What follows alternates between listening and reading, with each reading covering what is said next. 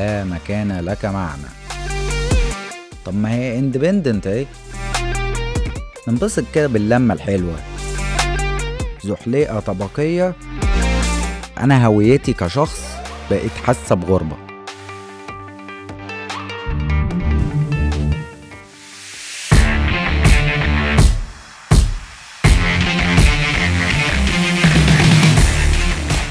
أهلا بيكم في بودكاست من الزاوية التالتة. البودكاست ده بيحلل ويناقش مواضيع ومواقف كتير كلنا بنقابلها وبنمر بيها في حياتنا. إيجابية بقى أو سلبية وبيطرح أسئلة ويفكر في إجاباتها بس بطريقة منطقية وموضوعية. بيحاول يشارك الأفكار دي معاكم علشان نقدر نشوف أي حاجة في الدنيا بأكتر من زاوية وهيكون معاكم ياسر محمد.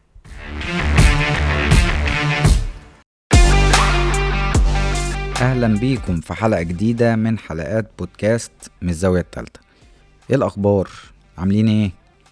أتمنى تكونوا بخير وصحة وراحة بال.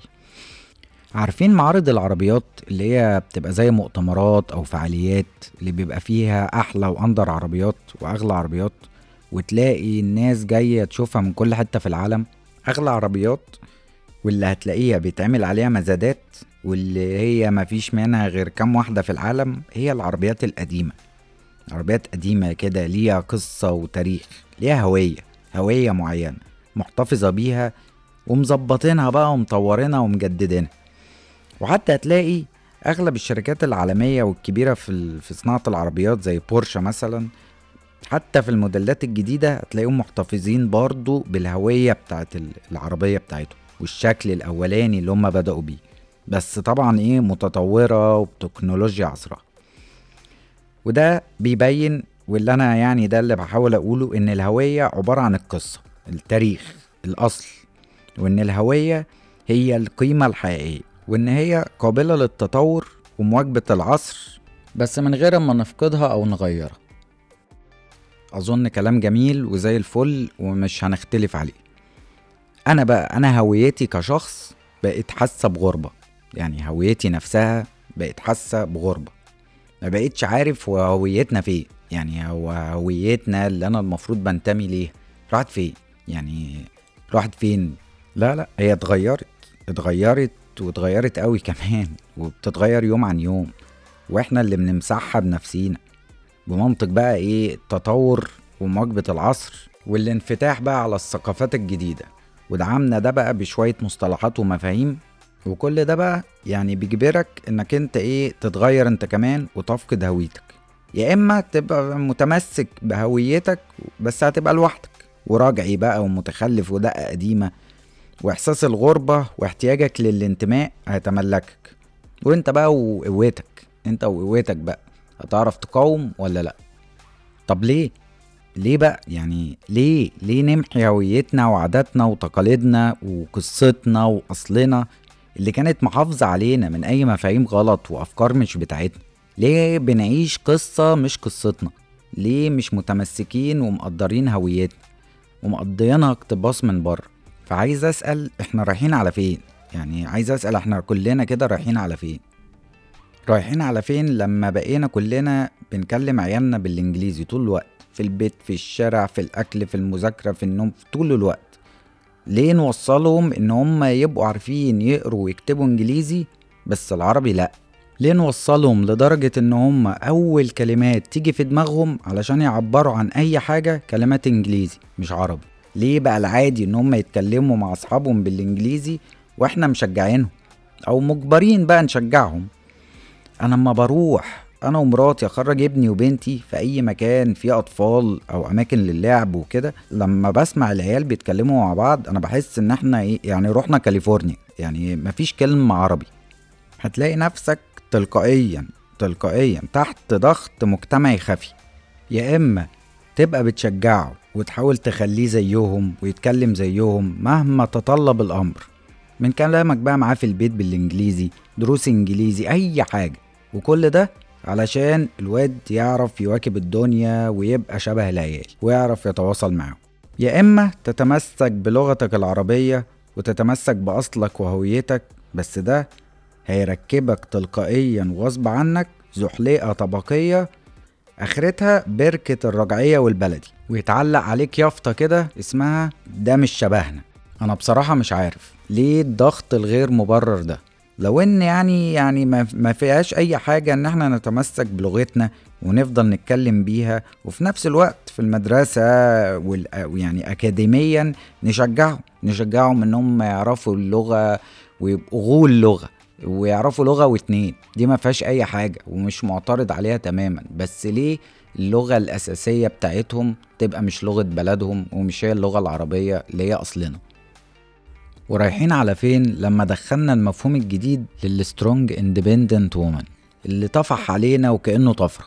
الست الطموحة اللي بتسعى لنجاحها وفاتحة ال business الخاص بيها وبتتلقب بقى بال business woman وشعار عمري ما هاجي على نفسي ولا شغلي حتى لو عشان ولادي. أنا مش محتاج راجل أساسا.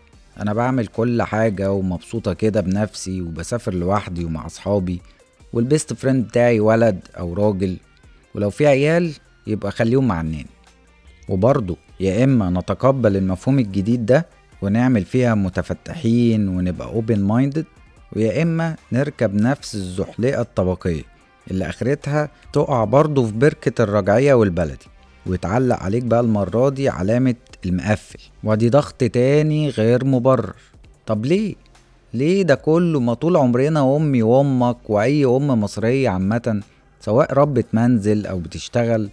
طول عمرها بتربي عيالها ومتابعة مذاكرتهم وأكلهم واحتياجات البيت و... ويعني كل ده غير شغلها. طب ما هي strong أهي.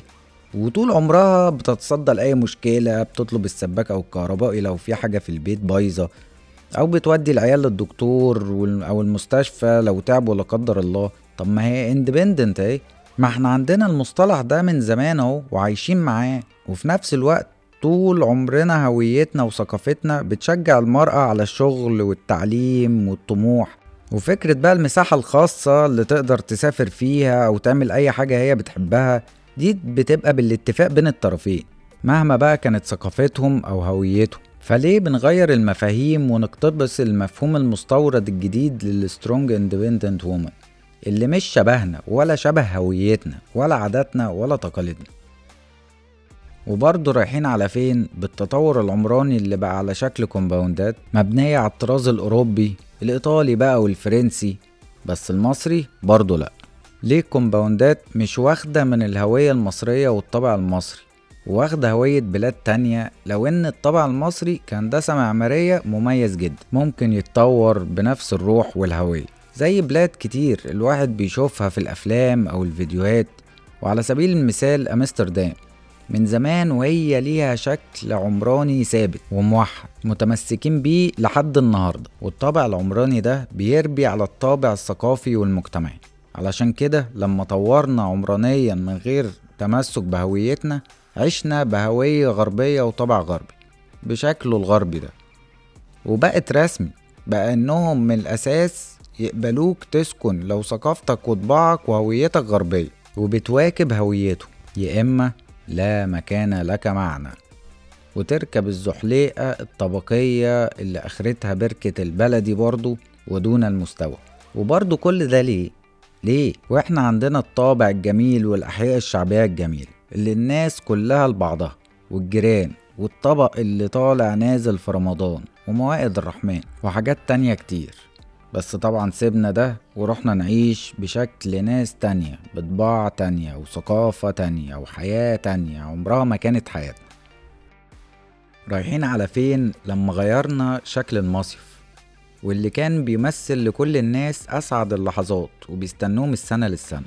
ليه بقى بقى ساحل؟ ليه بقى جونة؟ ليه بقى أي مكان أصلا؟ وعلى فكرة الساحل مكان جميل جدا. وياما سافرناه زمان أيام بقى مارينا ما كانت مارينا. بس ليه دلوقتي بقت مسابقة ما نقدرش عليها؟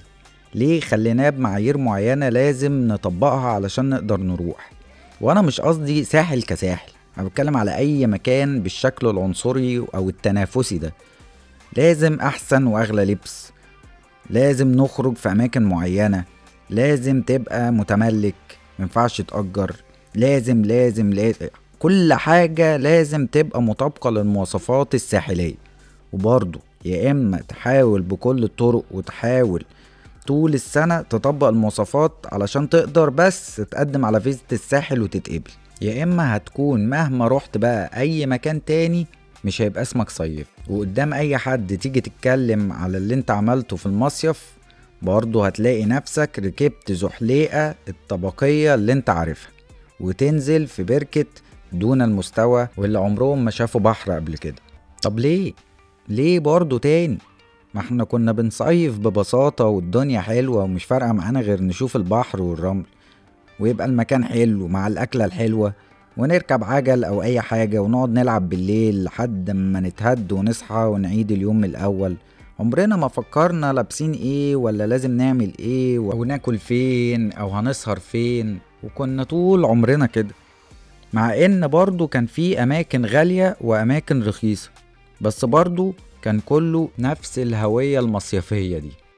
الأمثلة اللي بتخليني أسأل إحنا رايحين على فين كتير قوي. اللي بتبين قد إيه إحنا فعلا كلنا مش متمسكين بهويتنا ولا معتزين بيها ولا حتى بقينا عارفينها. والمشكلة الأكبر إن أنا زي ما قلت إحنا بقينا ممنطقين ده بالحرية والانفتاح ومقتنعين إن ده الصح. أنا مش عايز أعمل فيها أحمد عرابي بس بجد بجد هويتنا لو ضاعت مش هنعرف نرجعها تاني. ساعتها مش هنعرف نعيش ولادنا أي خبرات أو تجارب من الهوية اللي إحنا عشناها. مش هنعرف نكلمهم عربي أساسا تاني. مش هنعرف نتمسك بعاداتنا وتقاليدنا اللي إحنا اتعودنا عليها. مش هتعرف تعرفهم الأصول والصح والغلط. إحنا حتى مش هنعرف نعيشهم أجواء العيلة ورمضان اللي هي فعلا بدأت تروح من دلوقتي. وده للأسف هيخلينا كلنا إحنا وهم عايشين عيشة الأجانب بس في بلادنا وهنبقى حاسين بغربة وإحنا فيها. بس ساعتها هنرجع نروح فين؟ هو المفروض ما نروحش في حتة هو المفروض بس نفهم الأول كده إن أولا إن الهوية مش ضد الانفتاح ولا التحرر ولا التطور بالعكس الهوية دي هي اللي بتعمل ثقل أي تطور لأنها هي القصة والأصل الثقافة التاريخ الحضارة وده أساسا أساس لأي تطور. ثانيا التمسك بالهوية الخاصة بينا ده دليل على عزتنا بأصلنا وتقديرنا لتاريخنا وثقافتنا. وده اللي بيحمينا من التقليد والاقتباس الأعمى من ثقافات تانية. وأظن يعني كلنا شفنا دون في مثال قطر في مونديال 2022 بهرت العالم بالتطور والتكنولوجيا اللي هم استخدموها والتنظيم الرائع اللي هم عملوه وفي نفس الوقت بينوا قد إيه هم معتزين بهويتهم متمسكين بيها باللغة العربية بلبسهم بكل حاجة ليها علاقة بهويتهم وثقافتهم وحضارتهم. ثالثا إن التطور ده موجود في كل عصر يعني في كل عصر وزمان في تطور مش لسه طالع جديد يعني. كل وقت وبيبقى فيه التطور الخاص بيه. بس التفريط في الهوية مختلف تماما على الانفتاح على ثقافات تانية. والتفريط في الهوية ده بيعمل مشاكل كتير منها الطبقية والعنصرية وما بنبقاش شبه بعض وإحنا في بلد واحدة ولا لغة ولا لبس ولا طباع ولا عادات ولا تقاليد ولا ولا ولا. وساعتها هتبقى شبه الفرق وتشوف بقى اللي قدامك في أنهي فريق. أظن ناس كتير مش حابة إن ده يحصل ومش راضية عنه. فخلينا نرجع ونحاول كده نتمسك بهويتنا. خلينا نحاول نتكلم عربي. أنا عارف انه غصب عننا ساعات بنتكلم كلمتين أو ثلاثة إنجليزي في النص. ماشي. بس على الأقل نحاول نتكلم مع عيالنا عربي ونكتب عربي نعتز نعتز باللغة العربية. خلينا نرجع نسأل على بعض في الأعياد في المناسبات أو غير المناسبات. نسأل على جيراننا على قرايبنا. نصل الرحم اللي ربنا أمرنا بيه وهو أساسا جزء من هويتنا اللي اتربينا عليها. خلينا نرجع نحاول ننبسط ننبسط كده باللمة الحلوة الأكلة الحلوة الجو الحلو. ونبقى في البساطة. كفاية بقى تكليف وتكاليف. وخلينا نهتم بقيمة الناس اللي معانا وقيمة اللحظة اللي إحنا فيها. أكتر من الحاجات المادية من إن لازم المكان ده يبقى فين اللي نتلم فيه أو لازم ناكل أكل معين. لأن بجد قيمة الناس واللحظة الحلوة أهم كتير من أي قيمة تانية. حاجات كتير حاجات كتير والله بسيطة ممكن تتعمل. حاجة مع حاجة مع حاجة هتلاقينا مسكنا في هويتنا قبل ما تفرط من إيدينا. وكل واحد فينا أكيد عنده الحاجات اللي اتربى عليها وبتعبر عن هويته ولما بيفتكرها بينبسط. ونحاول نعمل ده دلوقتي وبالذات مع عيالنا. علشان ما يطلعوش يحسوا بغربة أكتر من اللي إحنا حاسين بيها. وبجد نتمسك بهويتنا لأن هويتنا دي بتمثل كل واحد فينا. وفي نهاية الحلقة أحب أشكركم جدا على حسن استماعكم وأستناكم الحلقة الجاية. سلام. آه ثواني.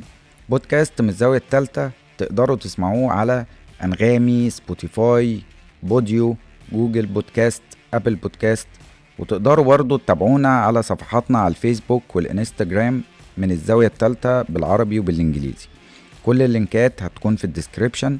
وأتمنى تشاركونا آرائكم أسئلتكم وتجاربكم أو أي حاجة ليها علاقة بموضوع الحلقة أو حتى ملهاش علاقة. وهكون مبسوط جدا لأي تفاعل أو أي مشاركة منكم. وأشكركم جدا. سلام.